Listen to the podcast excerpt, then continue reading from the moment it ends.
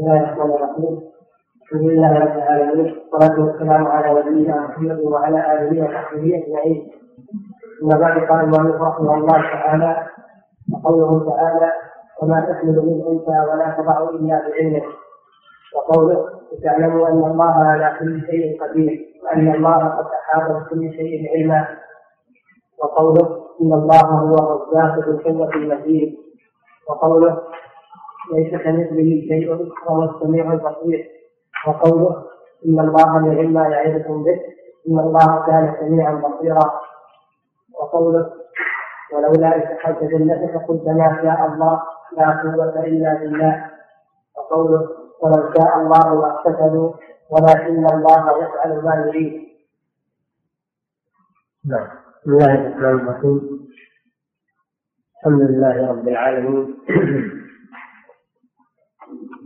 صلى الله وسلم على نبينا محمد وعلى آله وصحبه. يستمر الشيخ رحمه الله في ذكر الآيات التي تدل على إثبات أسماء الله وصفاته.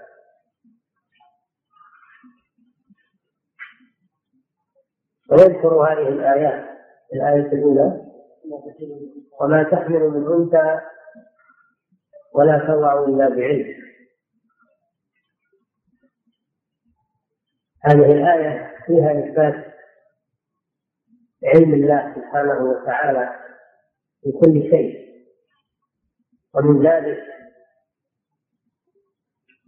ما في بطون الإناث من الأجنة. فإنه سبحانه وتعالى يعلم ذلك. يعلم متى ينشأ الجنين في بطن أمه ويعلم متى يولد. ولا أحد من الخلق يعلم ذلك. لا يعلم متى يخلق في بطن أمه ولا يعلم متى تضعه أمه. وإنما هذا في علم الله سبحانه وتعالى. قال تعالى أفرأيتم ما تمنون؟ أأنتم تخلقونه أم نحن الخالقون؟ وكثير من النساء يحصل لها وقع من الذكر. ويحصل من جراء ذلك الماء الذي ينزل في رحمها من الذكر. ولكن ما كل ماء يخلق منه ولد وإنما هذا يرجع إلى إرادة الله سبحانه وتعالى. أأنتم تخلقونه؟ رأيتم ما تمنون؟ يعني تنزلون في الأرحام من المني أأنتم تخلقونه أم نحن الخالقون؟ كثير من الذكور يتزوجون ويقرؤون أزواجهم ولكن لا يحصل لهم إنجاز. منهم من لا يحصل له إنجاب أبدا ومنهم من لا يحصل له إنجاب في وقت من الأوقات.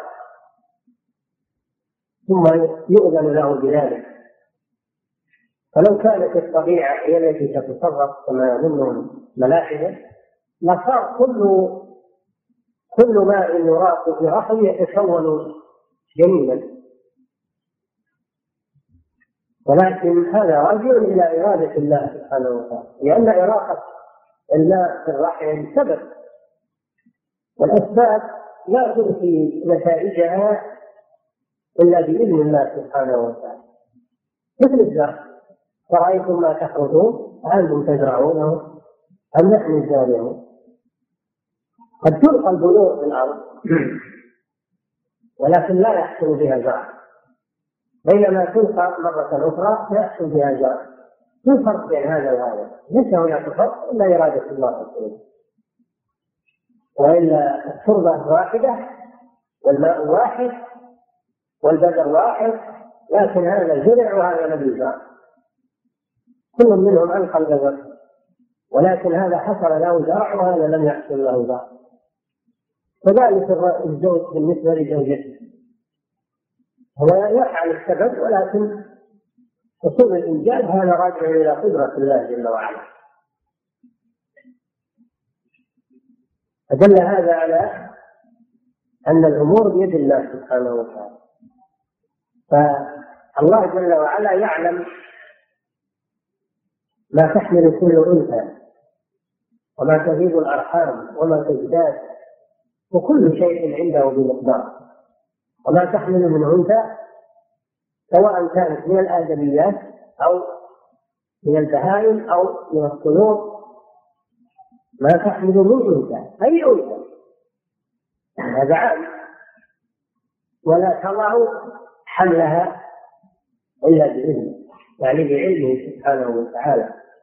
وإذنه القدري لهذا المولود أن يخرج من بطن أمه. وإذنه لهذه النطفة أن تتكون جميعا هذا راجع إلى إذنه سبحانه وتعالى ومشيئته. لا إلى مشيئتكم وإرادتكم.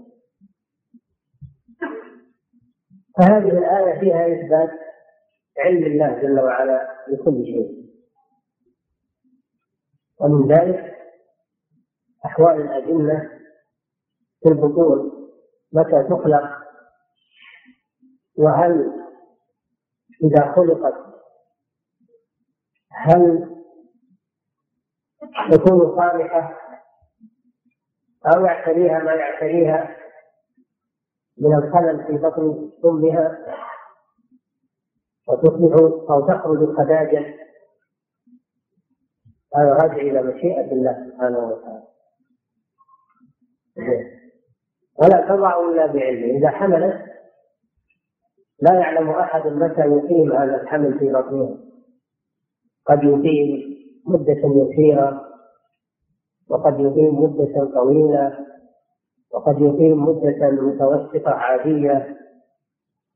هذا راجع إلى علمه سبحانه وتعالى ومشيئته. لا تدخل لأحد. ما أحد يقول أنا أريد من زوجتي هالمرة تحمل. وأريد أن لا يبقى في بطن في بطن في بطنها إلا كذا وكذا. ما يتدخل أحد في هذا.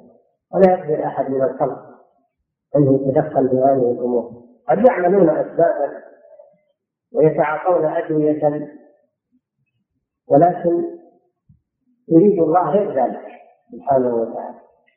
وتخالف إرادة الله ما يريده البشر. هذا راجع إلى مشيئته سبحانه وتعالى.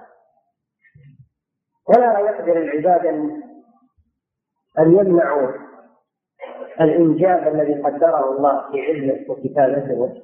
واللوح المحفوظ. وهؤلاء الذين يطمطنون بتحديد النسل هؤلاء ينازعون الله سبحانه وتعالى فيما يخلق وفيما يرزق. الذي قدر الله من الخلق لا بد ان أن يحسن شاءوا أم ابوا ويجب التوكل على الله سبحانه وتعالى والإعتماد عليه. والرزق من عند الله. سبحانه وتعالى. لا يخلق خلقا إلا ويرزقه سبحانه وتعالى. ويتكفل برزقه. نعم. لتعلموا أن الله على كل شيء قدير وأن الله قد أحاط بكل شيء علما. أول الآية الله الذي خلق سبع سماوات ومن الأرض مثلهن يتنزل الأمر بينهن لتعلموا أن الله على كل شيء قدير وأن الله قد أحاط بكل شيء علما. هذه هي الحكمة من إخباره سبحانه وتعالى بذلك. الذي خلق السماء سبع سماوات. سبع سماوات. بعضها فوق بعض سباق صفة كل سماء خمسمائة عام؟ وبين كل سماء وسماء خمسمائة عام. سبع لا يقدر العباد أن يمنعوا الإنجاب الذي قدره الله في علمه وكتابته واللفظ المحفوظ. وهؤلاء الذين يطمطنون بتحديد النسل هؤلاء ينازعون الله سبحانه وتعالى بما يخلق وفيما يرزق. الذي قدر الله من الخلق لا بد ان أن يحصل شاءوا أم ابوا ويجب التوكل على الله سبحانه وتعالى والاعتماد عليه. والرزق من عند الله سبحانه وتعالى. لا يخلق خلقا إلا ويرزقه سبحانه وتعالى. ويتكفل برزقه. نعم. لتعلموا أن الله على كل شيء قدير وأن الله قد أحاط بكل شيء علما. أول الآية الله الذي خلق سبع سماوات ومن الأرض مثلهن يتنزل الأمر بينهن لتعلموا أن الله على كل شيء قدير وأن الله قد أحاط بكل شيء علما. هذه الحكمة. من إخباره سبحانه وتعالى بذلك. الذي خلق السماء سبع سماوات. سبع سماوات. بعضها فوق بعض. إذا صفة كل سماء خمسمائة عام؟ وبين كل سماء وسماء خمسمائة عام. سبع صفات بعضها فوق بعض. وفي كل سماء مخلوقات وسكان لا يعلمها إلا الله سبحانه وتعالى. ومن الأرض مثلهن أي طبقات من الأرض مثل طبقات السماء. في في كل شيء. في الخلق والسكان وما يجري فيها. هذه الآية فيها أن الأرض سبع طبقات في السماوات. لأن الله قال مثلهن والمثلية تقتضي المساواة. يتنزل الأمر بينهن أمر الله جل وعلا. أمر الله الكوني القدري وأمر الله الشرعي. يتنزل بين هذه الطبقات وبين السماء والأرض. ينزل أمره الكوني القدري ويتنزل أمره الشرعي الديني.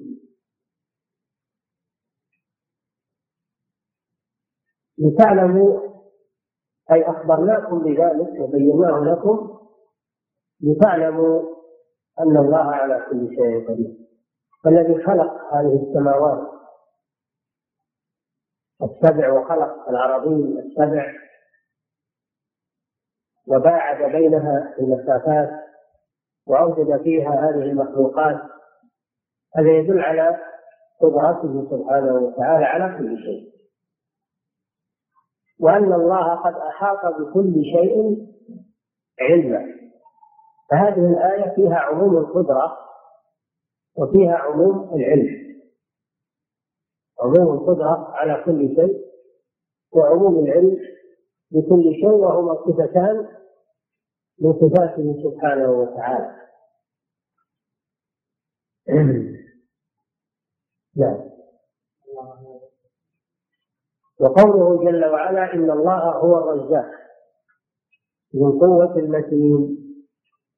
أول الآيات يقول جل وعلا وما خلقت الجن والإنس إلا ليعبدون. ما أريد منهم من رزق وما أريد أن يطعمون. إن الله هو الرزاق ذو القوة المتين. في هذه الآيات بيان الحكمة من خلق الجن والإنس وهو أن الله خلقهم لعبادته لا لشيء آخر لا من أجل أن ينفعوه أو يرزقوه أو يطعموه ليس محتاجا إليه سبحانه وتعالى وإنما هم المحتاجون إليه والعبادة مصلحتها لهم عبادتهم إياه مصلحتها لهم. أما الله جل وعلا فإنه غني عنهم وعن عبادته. فلو كفروا جميعا ما نقص ذلك من ملكه شيئا. ولو صلحوا جميعا ما زاد ذلك في ملكه شيئا. كما في الحديث القدسي الذي رواه أبو ذر رضي الله عنه أن الله جل وعلا يقول يا عبادي لو أن أولكم وآخركم وإنسكم وجنكم كانوا على أتقى قلب رجل منكم ما زاد ذلك في ملك شيئا ولو أن أولكم وآخركم وإنسكم وجنكم كانوا على أفجر قلب رجل واحد منكم ما نقص ذلك من ملك شيئا وقال موسى إن تكفروا أنتم ومن في الأرض جميعا فإن الله هو الغني الحميد. وإنما مصلحة العبادة راجعة إلى العباد أنهم فقراء إلى الله سبحانه وتعالى. فهو لم يخلقهم ليرزقوه أو يطعموه. ما أريد منهم من رزق وما أريد أن يطعمون. ولا يريد النفع من الخلق ولكن هو جل وعلا يريد أن ينفع الخلق. وهذا منه سبحانه وتعالى وإحسانه هو الذي يريد أن يتفضل على الخلق وأن ينفع الخلق. ولكن لا ينفعهم إلا بالعبادة. إذا عبدوه فإنه سبحانه وتعالى يرزقهم ويكرمهم في الدنيا والآخرة. أما إذا لم يعبدوه فإنه يرزقهم في الدنيا ولكن في الآخرة تكون لهم النار والعياذ بالله. ما أريد منهم من ولا أريد أن يطعمون. وليس بحاجة إلى الطعام. وهو يطعم ولا يطعم. سبحانه وتعالى. ليس بحاجة إلى الطعام. ولا إلى غيره. هو غني بنفسه سبحانه وتعالى عن كل شيء. وكل شيء فقير إليه سبحانه وتعالى. ثم قال إن الله هو الرزاق. الرزق من عنده سبحانه وتعالى. هو الرزاق. والرزاق صيغة مبالغة. الرزاق صيغة مبالغة. ومعناه الذي يعطي الرزق ويهب الرزق. فالرزاق يدل على كثرة رزقه سبحانه وتعالى. وأن وأنت إذا تأملت في هذا الكون وما يعيش فيه من المخلوقات الكبيرة والصغيرة والمتنوعة في البر والبحر وجدت أن الله قدر رزق كل كل مخلوق. كل مخلوق يصل إليه رزقه. ولولا ذلك لم يعش ولم يبقى على الحياة. فمن الذي يتكفل بأرزاق الخلق؟ هو الله جل وعلا. وما من دابة في الأرض إلا على الله رزقها. هذا تكفل منه سبحانه وتعالى. ويعلم مستقرها ومستودعها. وكأي من دابة لا تحمل رزقها. الله يرزقها وإياكم وهو السميع العليم. هذه المخلوقات كلها تأكل من رزق الله وتعيش من رزق الله سبحانه وتعالى ولا ينقص ذلك من خزائنه شيئا. فهو لا يزال يرزق ويخلق ويرزق سبحانه وتعالى بما لا بداية له ولا نهاية له سبحانه وتعالى. يخلق ويرزق سبحانه. على اختلاف المخلوقات وكثرتها أنت لو دعوت مئة رجل للغداء ولا للعشاء ماذا يكون تحمله وتعبه وقد لا تكفيهم وقد لا تشبعهم وهم نفر محدود. لأنك مخلوق عاجز لكن الله جل وعلا يطعم كل هذه المخلوقات في لحظة واحدة. في لحظة واحدة. لو جيت عندك فطور أهل البلد أهل الرياض اليوم أو بكرة عليك فطور أهل الرياض ماذا يكون بك من الهم ومن العاجز ومن ما تستطيع أمها البلد الواحد. فكيف بالعالم كله علوية وسفلية الذي لا يعلمه إلا الله سبحانه وتعالى. كلهم يأكلون من البر والبحر. ولا أحد يشتكي من من الجوع أو من فقد الطعام. هذا يدل على سعة رزقه سبحانه وتعالى وقدرته على كل شيء جل وعلا. هذا مثال مشاهد شاهده مثله ولا يمكن أن ينكره أحد. إن الله هو الرزاق الذي يرزق هذه المخلوقات ويقيتها سبحانه وتعالى. وليس رزقها من نوع واحد. كل شيء له رزق خاص يناسبه. كل شيء له رزق خاص يناسبه. فمن الذي نوع الأرزاق بحسب حاجة المخلوقات؟ هو الله جل وعلا. كل هذه المخلوقات تأكل من رزق الله وتعيش في كون الله وملك الله عز وجل. فهذا يدلك دلالة واضحة على عموم قدرته سبحانه وتعالى وعموم علمه بهذه المخلوقات. فإنه لا يمكن أن يوصل إليها ما تطلبه وما تحتاجه إلا وهو عالم بها سبحانه وتعالى وعالم في أمثلتها ومقالها عالم بذلك كله سبحانه وتعالى ويعلم مستقرها ومستودعها كل في كتاب مبين. إن الله هو الرزاق ذو القوة الذي لا يعجزه شيء أو قوته سبحانه وتعالى لا تماثل ولا تضاهى لا يعجزه شيء في الأرض ولا في السماء. القوة المتين المتين يعني شديد القوة. المتين يعني شديد القوة. وله القوة المطلقة سبحانه وتعالى. وكل كل قوي فهو ضعيف بالنسبة إليه سبحانه وتعالى. كل قوي فهو عاجز بالنسبة إلى الله عز وجل. مهما بلغت قوة المخلوق فإنها بالنسبة لقوة الله فلا شيء. قوة الله فوق كل فوق كل قوة. القوة المتين أي الشديد القوة التي لا يضاهيها شيء. ففي هذه الآية إثبات أن الله هو الرزاق. وإذا كان هو الرزاق فيجب التوكل عليه والاعتماد عليه في طلب الرزق مع بذل الأسباب لطلب الرزق. أن تبذل السبب لطلب الرزق ولكن لا تعتمد على السبب بل يعتمد على الله سبحانه وتعالى. بع واشتر ثابت لطلب التجارة وطلب الرزق احترف ولكن هذه أسباب. قد تبذلها ولا تحصل على شيء. لكن ترك الأسباب هذا لا يجوز. هذا شيء لا له سبب. شرعه الله سبحانه وتعالى. نعم. ليس كمثله شيء وهو السميع البصير. الآية هذه سبقت. لكن فيها أوردها هنا الشيخ أوردها الشيخ هنا لأجل إثبات السمع والبصر لله سبحانه وتعالى. الله جل وعلا له سمع وله بصر. يسمع ويبصر سبحانه وتعالى.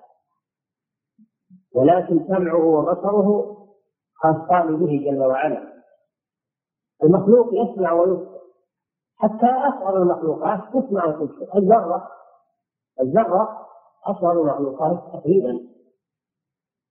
المشاهدة. المخلوقات المشاهدة ولا هناك مخلوقات أدق منها لا تشاهد لكن تسمع وتبصر.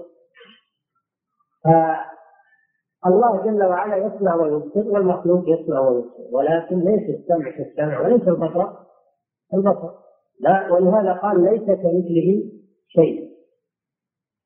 هذا نفي للمثلية وإن كان موصوفا بالسمع والبصر والمخلوق موصوفا بالسمع والبصر لكن ليس كمثله شيء.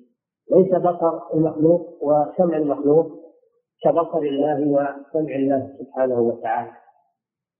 بصر الله لا يحجبه شيء ولا يخفى عليه شيء. وسمعه كذلك يسمع السر وأخفى. يعلم السر والنجوى.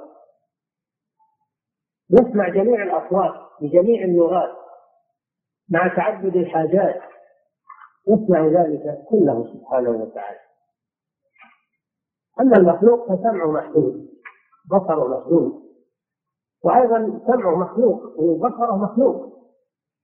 الله هو الذي خلق له السمع خلق له البصر.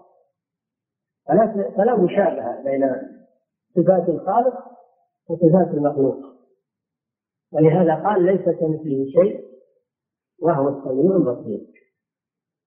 فأثبت له السمع والبصر ونفى المشابهة بين صفاته وصفات خلقه سبحانه وتعالى. وهذه الآية قاعدة في جميع الأسماء والصفات. هذه ميزان جميع الأسماء والصفات. أن الله له أسماء وله صفات والمخلوق له أسماء وله صفات ولكن ليس كمثله شيء سبحانه وتعالى. أسماءه وصفاته خاصة به تليق به سبحانه وتعالى. وأسماء المخلوقين وصفات المخلوقين تليق به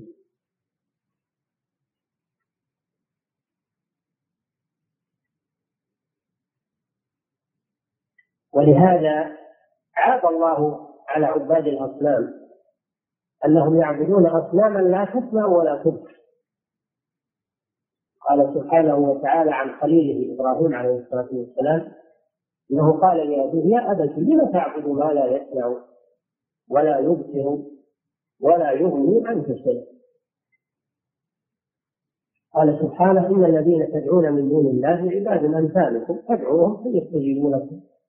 ان كنتم صادقين فلهم ارجل يمشون بها أم لهم ايد يبطشون بها أم لهم أعين يبصرون بها ام لهم آذان يسمعون بها؟ فعاب عليهم أنهم يعبدون جمادات أو أموات لا تسمع ولا تبصر فدل على أنه سبحانه موصوف بالسمع والبصر وأن الذي لا يسمع ولا يبصر لا يصلح للعبادة. وإنما, وإنما يصلح لها السميع البصير الذي لا يخفى عليه شيء. فلو كان السمع والبصر منفيين عن الله لقال عباد الأصنام وكذلك الله لا يسمع ولا يسمع لقالوا لقال أبو إبراهيم قال نبي إبراهيم وأنت يا من تعبد ما لا يسمع ولا يسمع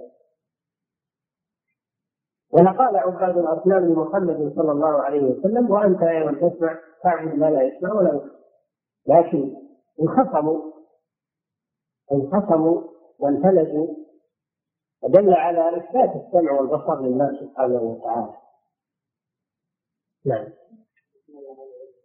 إن الله نعم ما يعظكم به إن الله كان سميعا بصيرا. مثل الآية التي قبلها فيها إثبات السمع وإثبات البصر له سبحانه وتعالى. ونعم نعم كلمة مدح نعم كلمة مدح وما اسم موصول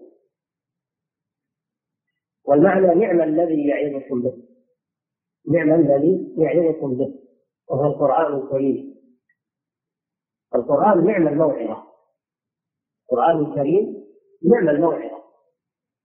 الشفاء لما في الصدور. القرآن أعظم الموعظة وأعظم الشفاء لما في الصدور. وما في القلوب وما في الأبدان أيضا. القرآن شفاء. نعم ما يعظكم به. إن الله كان سميعا بصيرا. هذا هو الشاهد من الآية. إن الله كان سميعا بصيرا. كان ولا يزال سبحانه وتعالى سميعا بصيرا. يسمع ويبصر. فهذا فيه إثبات السمع والبصر لله جل وعلا. حقيقة. لا مجاز لا مجال فيه. وإنما هو سمع حقيقي وبصر حقيقي. والمخلوق له سمع حقيقي وبصر حقيقي. ولكن مع الفارق بين صفات المخلوق وصفات الخالق. ولا يقول إن صفات المخلوق تشبه صفات الخالق إلا الممثلة. إلا الممثلة والمشبهة ولا ينفي صفات الخالق إلا المعطلة المنشدة أما أهل السنة والجماعة فإنهم يثبتون لله ما أثبته لنفسه وينفون عنه ما نفى عن نفسه من المشابهة والمماثلة. فهم وسط بين فريقين فريقي الضلال المشبهة والمعطلة نعم. ولولا إذ دخلت جنتك قلت ما شاء الله لا قوة إلا بالله. الله سبحانه وتعالى ذكر في سورة الكهف قصة رجلين. ضرب له مثلا رجلين. واحد جعل الله له بستانا أو جعل له جنتين. والجنة المراد بها البستان. الجنة المراد بها البستان. سميت جنة من الاجتلال وهو الاستتار لأنها بأشجارها الملتفة تستر ما فيها. الجنة هي البستان الذي يكون فيه أشجار ملتفة تستر ما تحتها وما وراءها.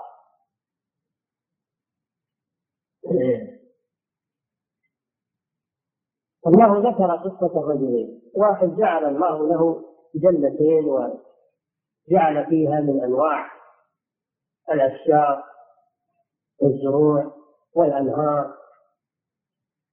ما أعجب هذا الرجل؟ أعجبه أخذه العجب. ولما دخل جنته قال ما أظن أن تبيد هذه أبدا وما أظن الساعة قائمة ولئن رددت إلى ربي لأجدن خيرا منها منقلبا. فهو جحد نعمة الله عز وجل وأعجب بنفسه وأن له مكانة عند الله وأن الله ما أعطاه هذا الشيء إلا لأن له مكانة وأنه وأنه إن قدر أنه يبعث وهذا فيه أنه ينكر البعث. وما أظن الساعة قائمة ينكر البعث. ولئن وجدت إلى ربي يعني على فرض أن البعث صحيح وأني سأبعث فإن الذي أعطاني في الدنيا هذا الشيء يعطيني أعظم منه. فهذا فيه إدلال على الله وإعجاب بنفسه. وفيه إنكار للبعث والعياذ بالله. الذي حمله على هذا العجب والبطر نصحه صاحبه قال له صاحبه وهو يحاوره أكفرت بالذي خلقك من تراب ثم من نطفة ثم سواك رجلا. يعني الذي قدر على هذا الشيء ألا يقدر على بعثك وإعادتك ولولا إذ دخلت جنتك يعني هلا العرض يعرف عليه ويحثه إذ دخلت جنتك قلت ما شاء الله لا قوة إلا بالله. يعني بدل أن تعجب بها ترك هذا إلى مشيئة الله وأن هذا من فضله سبحانه وتعالى وأن القوة لله عز وجل وأن هذه الجنة وهذه الأموال إذا أراد الله ذهبت واضمحلت وكنت فقيرا عاجزا. الإنسان لا يعجب بما عنده من المال ما عنده من الثروة أو ما عنده من القوة. والرجال والسلاح ما يعجب بهذا لأن هذه أسباب فقط. وأما وأما بقاؤها ونفعها فإن, فإن هذا راجع إلى الله سبحانه وتعالى. ولو شاء ما أغنت القوة ولا أغنى المال ولا أغنى السلاح ولا أغنى الرجال ولا أغنت الحصول. إذا أراد الله الانتقام من أحد فإنه لا يمنعه منه شيء سبحانه مهما كان هذا الشخص أو هذه الدولة. هذه الدولة مهما بلغت من القوة والاختراع والأسلحة الفتاكة إذا أراد الله جل وعلا الانتقام منها أجابها بسرعة.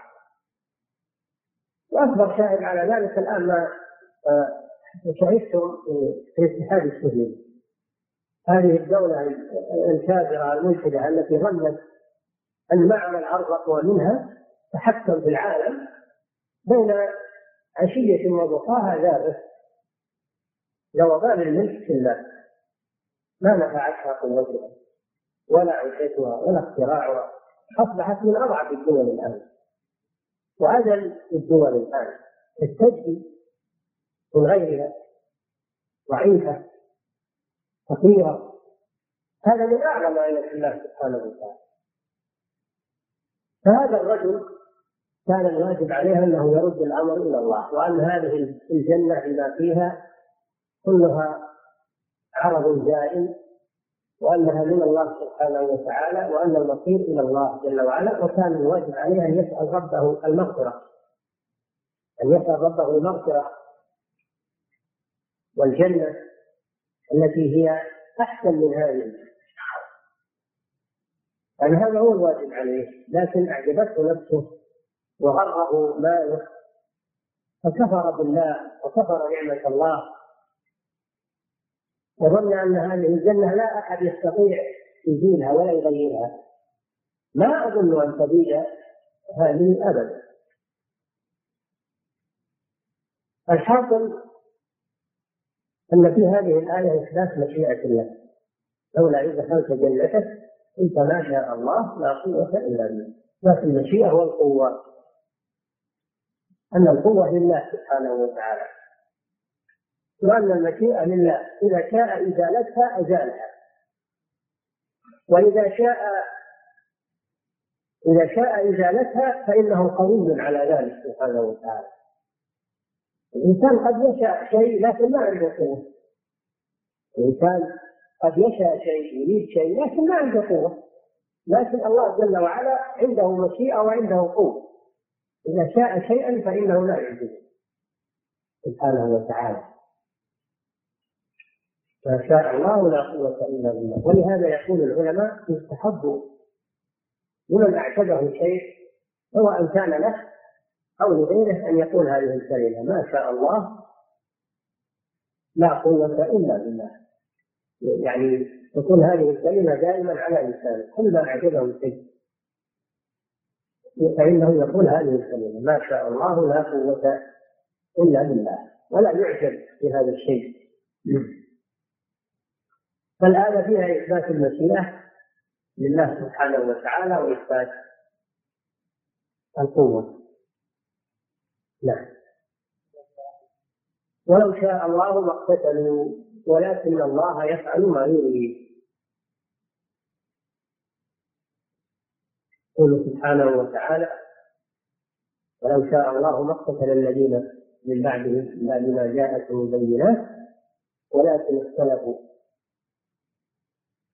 ولكن اختلفوا.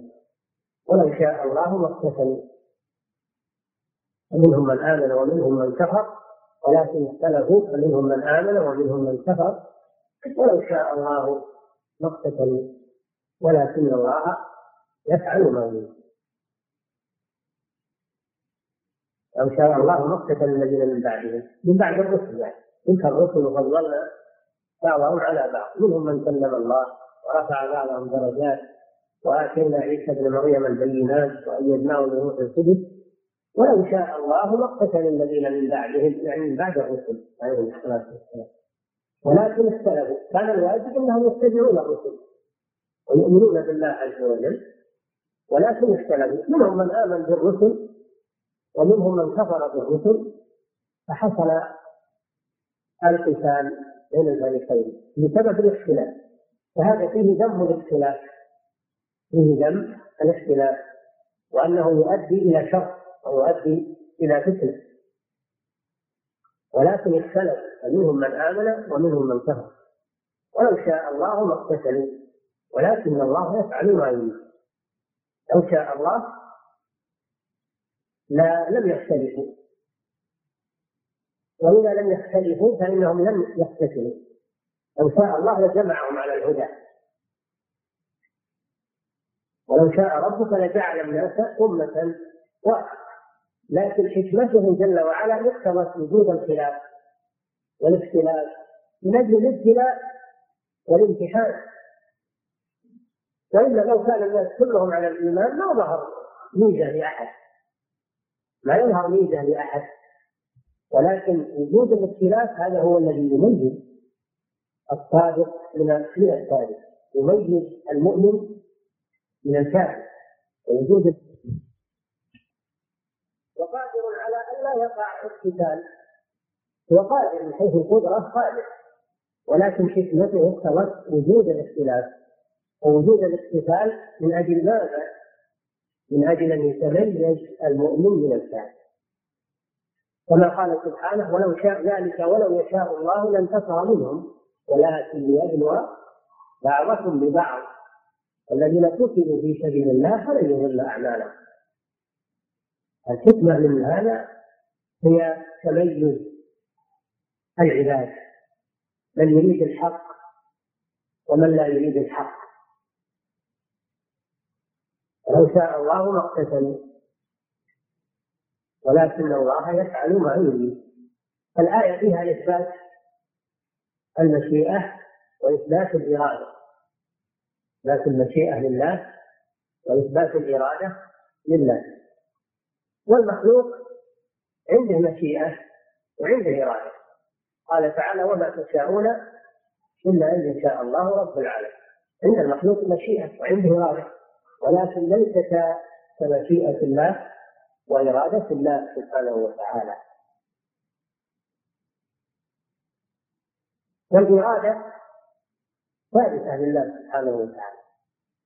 وهي قسمان إرادة كونية وإرادة شرعية دينية. إرادة الله على نوعين إرادة كونية وإرادة دينية شرعية. وقوله ولكن الله يفعل ولو شاء الله ما اقتتلوا ولكن الله يفعل ما يريد. من أي الإرادتين؟ من الإرادة الكونية الإرادة الكونية يكون فيها الخير ويكون فيها الشر ويكون فيها الكفر ويكون فيها الإيمان. وقد يحبها الله وقد لا يعني يحب ما ينشأ عنها وقد لا يحبه. ليس من لازمها المحبة الإرادة الكونية ليس من لازمها المحبة فقد يريد الله ما لا يحبه. مثل الكفر والفسوق والعصيان. هذا يريده الله كونه لكنه لا يحبه ولا يرضاه. ويريد الطاعة والإيمان وهذا يحبه سبحانه وتعالى. أما الإرادة الشرعية فإنها فإن الله لا يشاء شرعا إلا ما يحب ولا يشرع لعباده إلا ما يحب. الإرادة الشرعية من لازمها المحبة والرضا لأن الله لا يشرع شيئا إلا وهو يحبه ويريده إرادة شرعية. كذلك الإرادة الكونية لا بد من وقوعه إذا أراد الله شيئا فلا بد من وقوعه إذا أراده كونا أما الإرادة الشرعية فقد تقع وقد لا تقع. والله يريد الإيمان من العباد لكن منهم من يؤمن ومنهم من يكفر. فالفرق بين الإرادتين من ناحيتين. الناحية الأولى أن الإرادة الكونية ليس من لاجلها الرضا والمحبة في الشيء المراد. الأمر الثاني أن الإرادة وأما الإرادة الشرعية فإن الله يحبها ويرضاها. الفارق الثاني أن الإرادة الكونية لا بد من وقوعها فإذا أراد الله شيئا وقدره فلا بد أن يقع أو كفران أو غير ذلك. لا بد أن يقع. أما ما أراده الله شرعا فقد يقع وقد وقد لا يقع. وهذا راجع إلى حكمته سبحانه وتعالى. إثبات المشيئة وإثبات المحبة آه، إثبات الإرادة وفيها أن الله شاء اقتتال أن الله شاء الاقتتال الذي وقع بين الخلق. شاءه شاءه سبحانه كونا وقدرا وأراده كونا وقدرا. لا دينا وشرعا. نعم. نعم. إلا إذا كان القتال بمعنى الجهاد في سبيل الله فهذا شرعه الله هذا أراده الله إرادة شرعية إرادة شرعية. أما القتال الذي ليس هو من الجهاد في سبيل الله وإنما هو من باب سفك الدماء والاعتداء فهذا أراده الله قولا ولم يريده شرعا. لأن الله نهى عن قتل المسلم ونهى عن الاعتداء. الله لا يريد العدوان شرعا ودينا وإن أراده قولا وقدرا. نعم. أحلت لكم بهيمة الأنعام إلا ما يتلى عليكم. غير محل الصيد وأنتم حرم. إن الله يحكم ما يريد. هذه في أول آية من سورة المائدة يا أيها الذين آمنوا أوفوا بالعقود. أحلت لكم أي أبيحت بهيمة الأنعام التي هي الإبل والبقر والغنم. هذه بهيمة الأنعام. سميت بهيمة لأنها لا لا تتكلم من الإبهام وهو عدم البيان. فالبهيمة لا تتكلم. إلا ما يتلى عليكم. وذلك في قوله تعالى حرمت عليكم الميتة إلى آخر الآية. هذا استثناء من بهيمة الأنعام. حرمت عليكم الميتة والدم ولحم الخنزير وما أهل لغير الله به والمنخنقة والموقولة والمتردية والنصيحة وما أكل السبع إلا ما ذكر وما ذبح على النصب يعني على الأصنام. المحرمات وإن كانت من بهيمة الأنعام.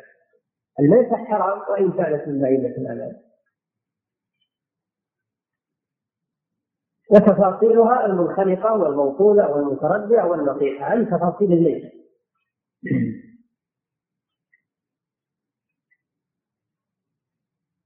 وما أكل السبع اشترته اشترته السبع.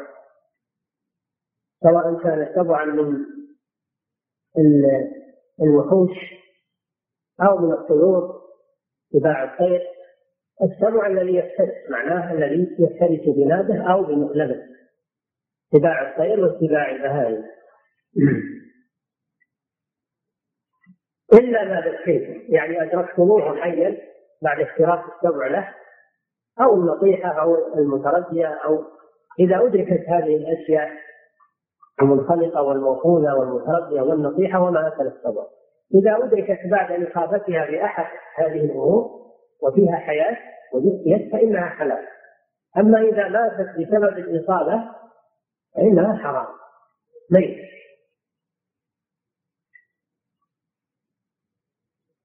حرمت آه، عليكم الميت والدم ولحم الخنزير. وما أهل به لغير الله. أهل به لغير الله المراد بالإهلال الصوت رفع الصوت.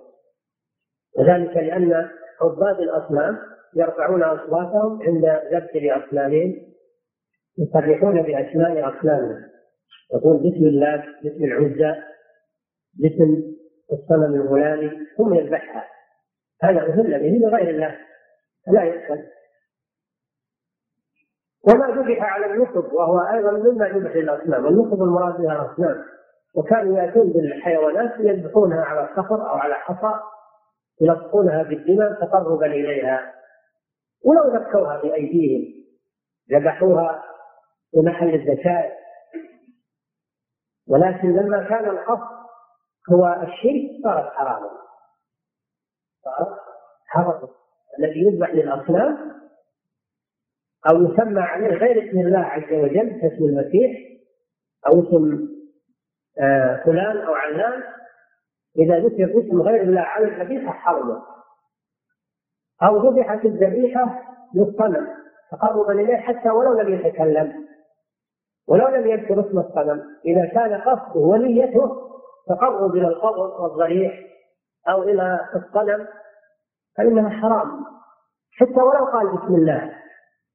لو قال عند الذبح بسم الله وذكاها زكاة منضبطة لكن هو ينوي بها التقرب إلى غير الله. هي حرام ولو ذكر عليها اسم الله. هذا ذبح على النصب ما ذبح لله عز وجل ولو لم يهل به لغير الله. فهمتم هذا؟ فما ذكر عليه اسم غير الله فإنه حرام. وما ذبح بقصد التقرب إلى مخلوق فإنه حرام ولو لم يذكر اسم المخلوق وإنما ذكر اسم الله. لو قال بسم الله فإنها لا تحل ذبيحته اعتبارا بمقصده ونيته لأنها شرك. ذبيحة قصد بها الشرك فهي ميتة وحرام والمنخنقة المراد بها التي خلقت بحبل. حبل استدار على عنقها سواء داره أحد أو استدار هو بدون أحد. خلق نفسها. والموصولة التي ولدت في مثقل ولدت بشيء ثقيل كحساس وغيرها. والمتردية التي سقطت من شيء عالي متردية تردت من جبل من سطح من مكان مرتفع. النصيحة التي نصحت أختها عنزا تناصحتا أو خروفان تناصحا فأصاب أحدهما الآخر ومات على أثر ذلك هذا ميتة كما أكل السبع يعني اشتركه الحيوان المفترس أو الطير المفترس. إلا إذا أدركت هذه الأشياء وذكرت وهي حية فإنها تحل ولا تؤثر فيها الإصابة لأنها ماتت بالزكاة ولم تمت بالإصابة بكل حلال. هذا معنى قوله إلا ما يتلى عليكم. يعني هذه الآية التي جاءت بعدها بقليل إن الله يحكم ما يريد. نعم. غير محل الصيد وأنتم حرم هذا استثناء آخر. استثناء آخر. استثنى الميتة. واستثنى ما ذبح. لغير الله. هذا استثناءان. والاستثناء الثالث ما ذبحه المحرم.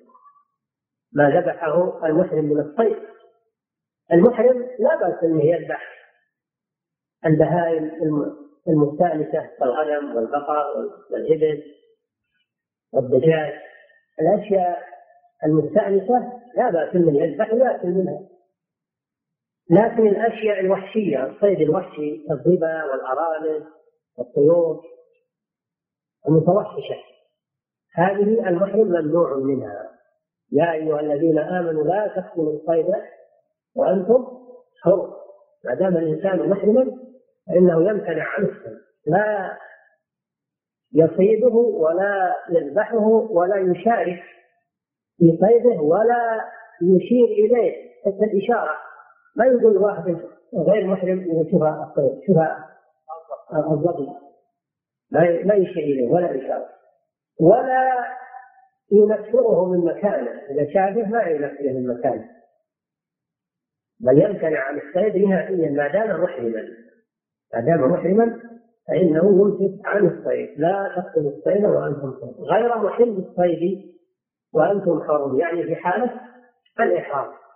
أما إذا حل الإحرام جاز له أن يصطاد في غير الحرم في غير الحرم أما الحرم يعني ما كان داخل الأميال هذا لا يصاد فيه شيء لا من المحرم ولا من غيره. صيد الحرم لا يجوز. دائما وابدا. أما خارج الحرم يجوز الصيد إلا للمحرم فقط. المحرم لا يصيد ولا يصاد له أيضا. إن الله يحكم ما يريد. هذا الشاهد من الآية. ان الله لما ذكر هذه الاحكام العظيمه قال ان الله يحكم يحكم ما يحل ويحرم سبحانه وتعالى يشرع له الحق جل وعلا هو الذي يشرع ويحلل ويحرم لكنه لا يحلل ويحرم الا بحكمه لا يحل الا ما فيه مصلحه ولا يحرم الا ما فيه مضره اما في الدين واما في الصحه. وفي مضره دينية أو دنيوية. مضرة دينية كأن يكون ذبيحة شركية هذه مضرة دينية يعني تفسد العقيدة. أو مضرة بدنية يكون هذا اللحم فيه مرض. لو أكلته يحصل لك إصابة هذا حرام لا يجوز. ما فيه ضرر ولذلك حرم الميتة لأن فيها ضرر. الميتة لو أكلها إنسان يصاب. فيها مرض. فيها يقولون جراثيم تعبير الحديث. فيها جراثيم مرضية. لأن دمها منحبس فيها. يتكون فيها جراثيم مرضية. الله لا يحرم إلا ما فيه مضرة دينية أو بدنية. بحكمة سبحانه وتعالى. ولا يحلل إلا ما فيه إلا ما فيه منفعة خالصة أو راجحة أو مضرة بدنية. يكون هذا اللحم فيه مرض. لو أكلته يحصل لك إصابة هذا حرام لا يجوز. ما فيه ضرر ولذلك حرم الميتة لأن فيها ضرر. الميتة لو أكلها إنسان يصاب فيها ضرر. فيها يقولون جراثيم بالتعبير الحديث. فيها جراثيم مرضية لأن دمها منحبس فيها. يتكون فيها جراثيم مرضية. الله لا يحلل إلا ما فيه مضرة دينية أو بدنية. بحكمة سبحانه وتعالى. ولا يحلل إلا ما فيه إلا ما فيه منفعة خالصة أو راجحة. حكمة منه سبحانه وتعالى. إن الله يحكم ما يريد. فيها إثبات الحكم لله عز وجل وفيها إثبات الإرادة لله. وهي كما ذكرنا الإرادة على قسمين إرادة كونية وإرادة شرعية. ولكن المراد هنا الإرادة الشرعية. يحكم ما يريد يعني الإرادة الشرعية التي هي التحليل والتحريم. نعم. فمن يريد الله أن يهدي أو يشرح صدره للإسلام ومن يريد أن يضله يجعل صدره ضيقا حرجا كأنما يصعد في السماء. الهداية لها سبب والضلالة لها سبب. وإذا أراد الله هداية شخص هيأ له الأسباب. هيأ له الأسباب. وإذا أراد الله إضلاله هيأ له أسباب الضلالة. ولا يكون هذا إلا بشيء من قبل العبد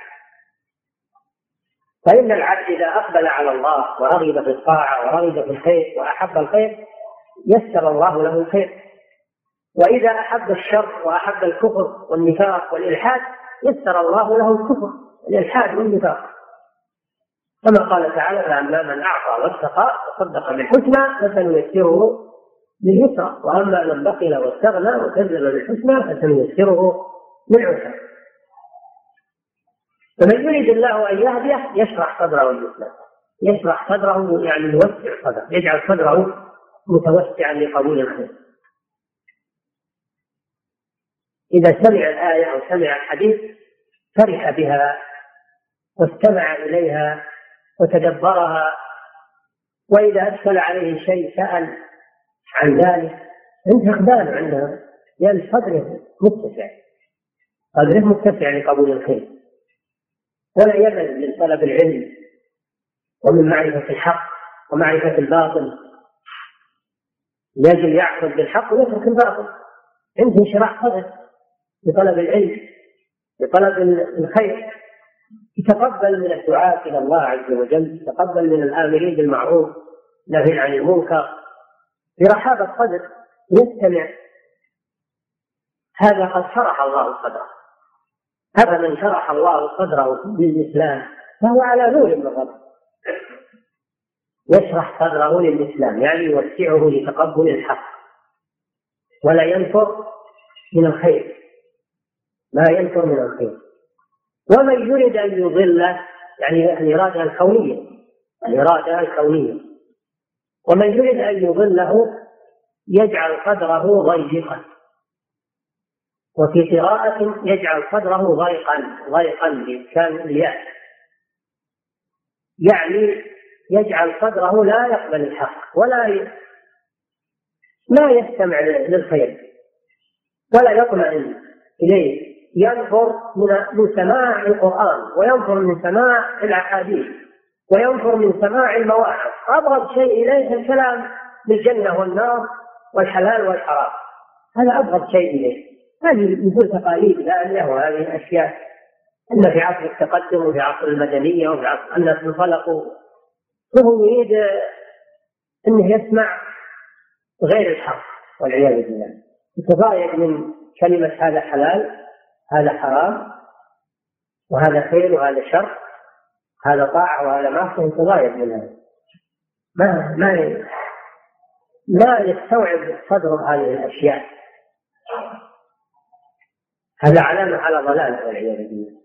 يجعل صدره ضيقا حرجا وفي قراءة حرجا بكسر كسر الراء. يعني ممتلئا من الحرج والتذمر. ما يريد أن يسمع من الخير شيئا. وقالوا لا تسمعوا لهذا القرآن والغوا فيه. لعلكم تغلبون. فما لهم عن التذكرة معرضين كأنهم حمر مستنفرة فرت من قسورة حمير الوحش إذا شافت الصياد هربت. هؤلاء يصير الواعظ عندهم مثل الصياد إذا شافوه هربوا. مثل حمير الوحش. فهذا دليل على أن هؤلاء صدورهم ضيقة ما تقبل المناقشة. ما تقبل ما يقول قال الربا حرام. ولا يقول قال الزنا حرام ولا قال المخدرات حرام والمسكر وال... يريدون الانطلاق بشهواتهم وملذاتهم دون تفكير في العواقب والعياذ بالله. يريدون مجاراة الكفرة والملاحدة ما يريدون الحكم بما أنزل الله يريدون الحكم بالقوانين الوضعية. كل هذا من ضيق الصدر. وهذا من أسباب الضلالة. ومن يريد أن يضله يجعل صدره ضيقا. ما يقبل الحق. لكن لو جاء الباطل صار صدره واسع. لو جاء الباطل وذكر الباطل والشر اتسع صدره تقبل. كأنما يصعد في السماء أي حالته مثل حالة الذي يطلب منه أن يصعد إلى السماء.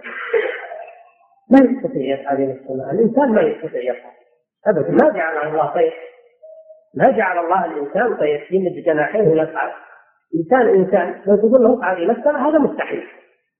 مستحيل. ما يصعد إلى كذلك هذا الشخص الذي لا يريد الحق يضيق صدره بالحق هذا مثل الذي يقال له اصعد إلى السماء لأن لأن الخير صعود. الخير صعود وارتفاع أما الشر فإنه هبوط وانحدار فهو يقبل الانحدار والهبوط ولا يقبل الارتفاع. والصعود هذه آه، صفته والعياذ بالله. كأن ما يصعد في السماء. إذا قيل له قل الصلاة عليه مثل الصعود إلى السماء. مستحيل. إذا قيل له تقرب إلى الله اترك الحرام هذا مثل عنده مثل الصعود إلى السماء. مستحيل. كأن ما يصعد في السماء. الشاهد من الآية الكريمة إثبات الإرادة لله سبحانه وتعالى. ومن يريد أن يذله أي فمن يريد الله أن يهديه للإسلام فمن يريد الله أن يهديه يشرح صدره للإسلام. ومن يريد أن يضله يجعل صدره هذا فيه إثبات الإرادة لله عز وجل وأنها تشمل إرادة الهداية وإرادة الضلال.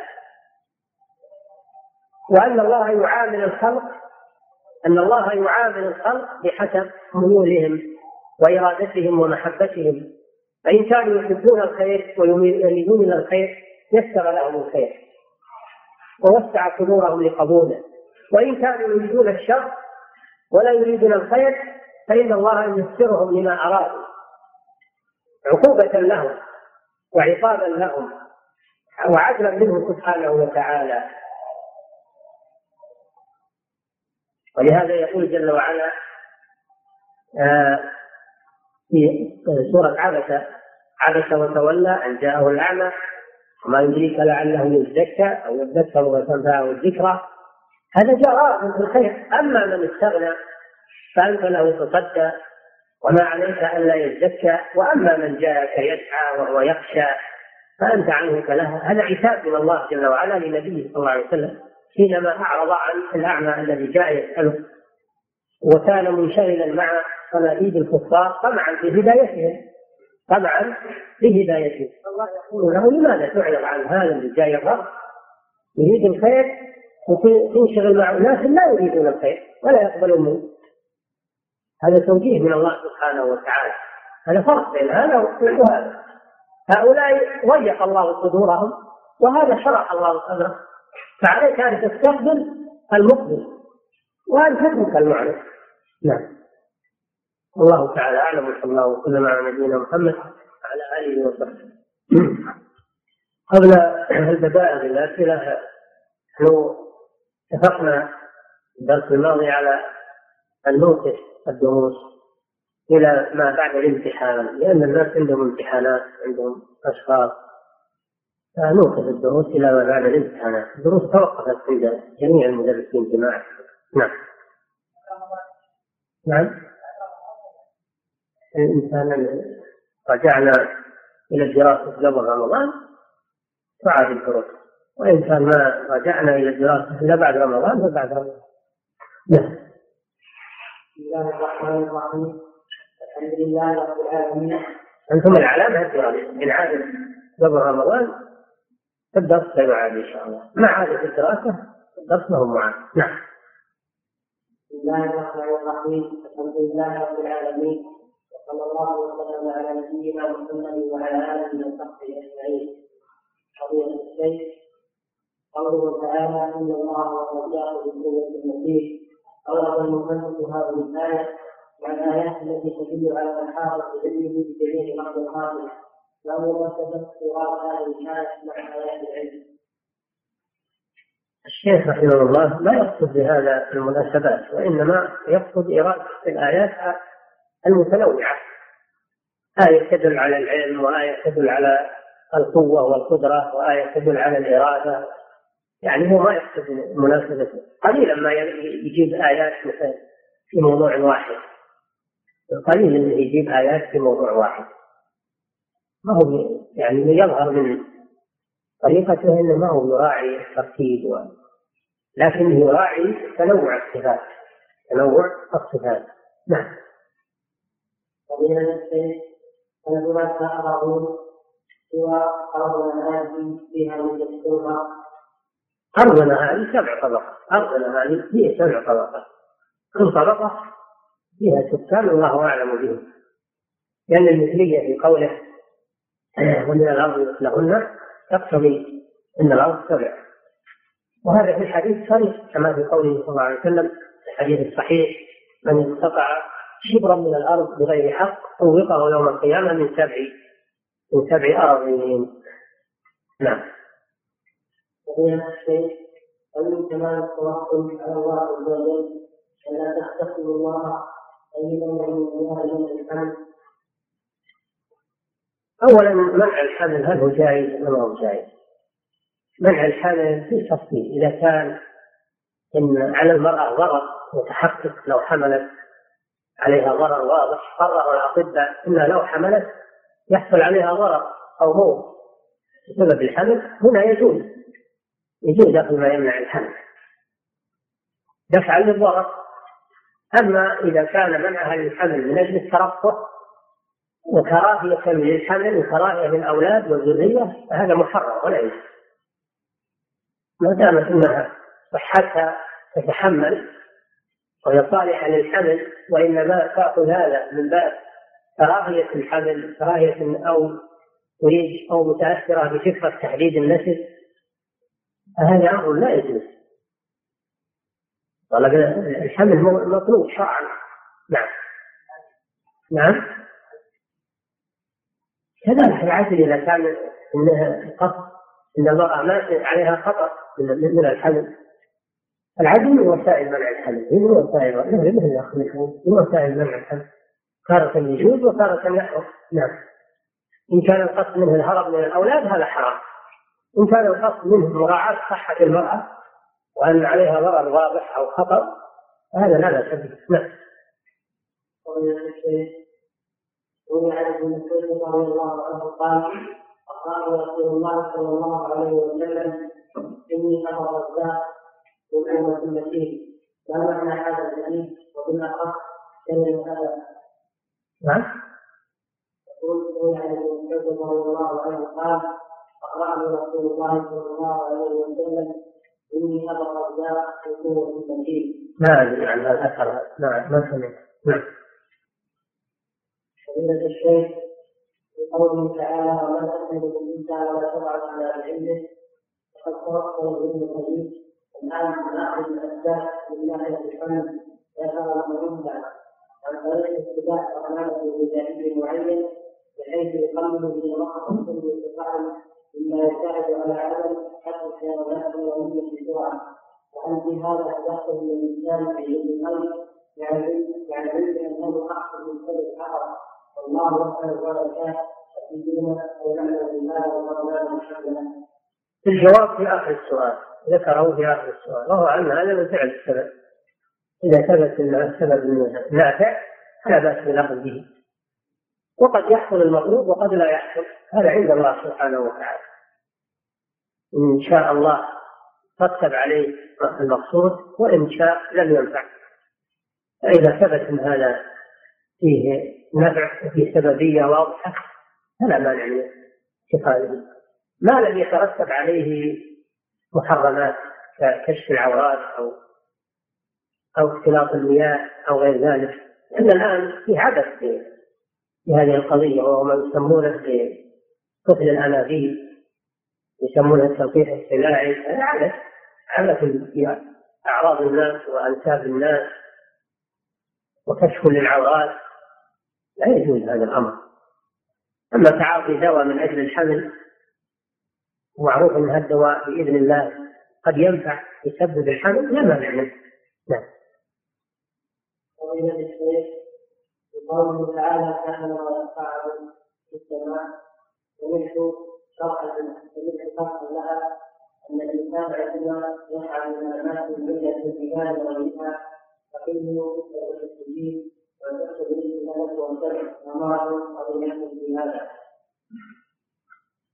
المفسرون ذكروا المعنى الذي ذكرنا أن هذا من باب ضرب المستحيل وأن الإنسان الذي لم يكتب الله له الهدايه إنه لا يمكن أن يهتدي كما لا يمكن للإنسان أن يطير في الجو بنفسه يعني يطير بنفسه. أما أنه يطير بالطيارة أو بالصواريخ أو هذه ما هو بنفسه. يطير به قال طارت به الطائرة طار به. مثل لو جاء طير كبير وركب عليه. هذا ما يسمى أنه طار إنما يقال طير به. طير به. كلام على أنه يطير هو بنفسه. هذا ما هو أما قضية الاكسجين والأشياء الله أعلم بها. ما كانت معروفة في نزول القرآن وما كان الصحابة يعرفون هذا الشيء. لكن لا مانع انه يكون أيضا ملاحظ. لأن الله جعل للأرض سكانا. وجعل الأجواء العليا والمرتفعات سكانا. نعم. حتى الأرض يختلف. تختلف مرتفعاتها عن منخفضاتها. تختلف. بعض الناس ما يتحمل إنه يعيش فوق جبل مرتفع. إذا صار فيه ربو ولا فيه. إذا لم يعلم وهي يدرك على إذا لم يعلم نيته أو يسمي الله نفسه ولم يجوز أكل ذبيحة من الدين المشرك والكافر لا والمرتد لا يجوز أكل ذبيحة هذا نظرا للذابح الذابح الكافر لا يجوز أكل ذبيحته حتى ولو قال بسم الله وذكاها مع المكان المشروع ذكاته نظرا لعدم أهليته. وإنما تباح ذبيحة المسلم وذبيحة الكتاب فقط وطعام الذين أوتوا الكتاب حل يعني ذبائحهم الكتاب والمسلم. أما الكافر بجميع أنواعه وثنيا أو ملحدا أو آه، مرتدا لا تجوز ذبائحهم لأنهم رجس نجس له تأثير على الذبيحة. لا يجوز ذبيحة الكافر أما من ظاهره الإسلام من ظاهره الإسلام ولا عرفنا عنه شيء من الكفر ولا من الشرك فالأصل الحل. الأصل في المسلم الحل. إلا إذا ثبت لدينا أنه مرتد أو أنه مشرك أو أنه يستغيث بالأموات يذبح للقبور فلا تؤكل ذبيحة إذا ثبت هذا عنه. وإن كان أنه متهم ولم يثبت عليه شيء الأصل الحل ولكن إذا تركته من باب درء الشبهات ترك المشتبهات هذا حسن. نعم. الله تعالى أعلم وصلى الله وسلم على نبينا محمد وعلى آله وصحبه.